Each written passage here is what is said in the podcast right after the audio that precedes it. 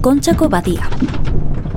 Giralda errege jatea, iraganean gerra ontzia, ondartzaren aurrean ainguratuta dago. Leman, erregea. Alfonso Amairu garena. Haren itxas bataioa da. Ontziaren elizea, buia baten katearekin trabatu da. Jatea mugiaraztea ezinezkoa egiten da. Badirudi, inork ezin duela askatu. Pertsona batek izan ezik. Bere izena. Juan José Mancisidor.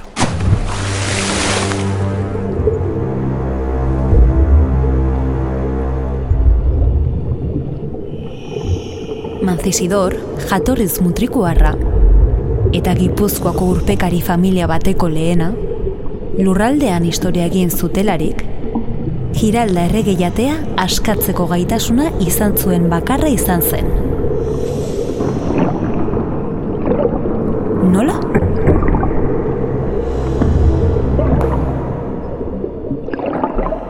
Dinamitarekin.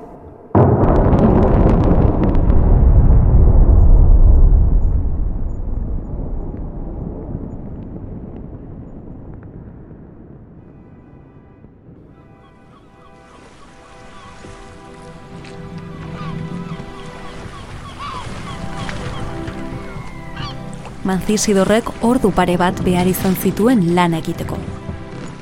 Aurretik ere, kantauri itsasoan itsasontziak flotarazteko urperatzeak egin zituen. Ontziko komandanteak lanarengatik ordaindu nahi izan zion.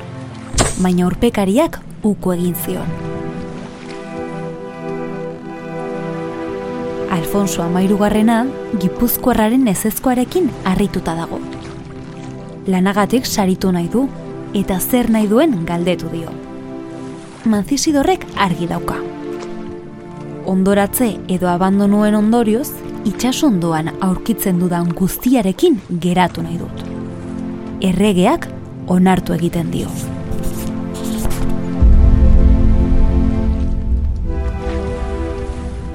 Alfonso Amairugarrenak idatzitako kontzesioari esker.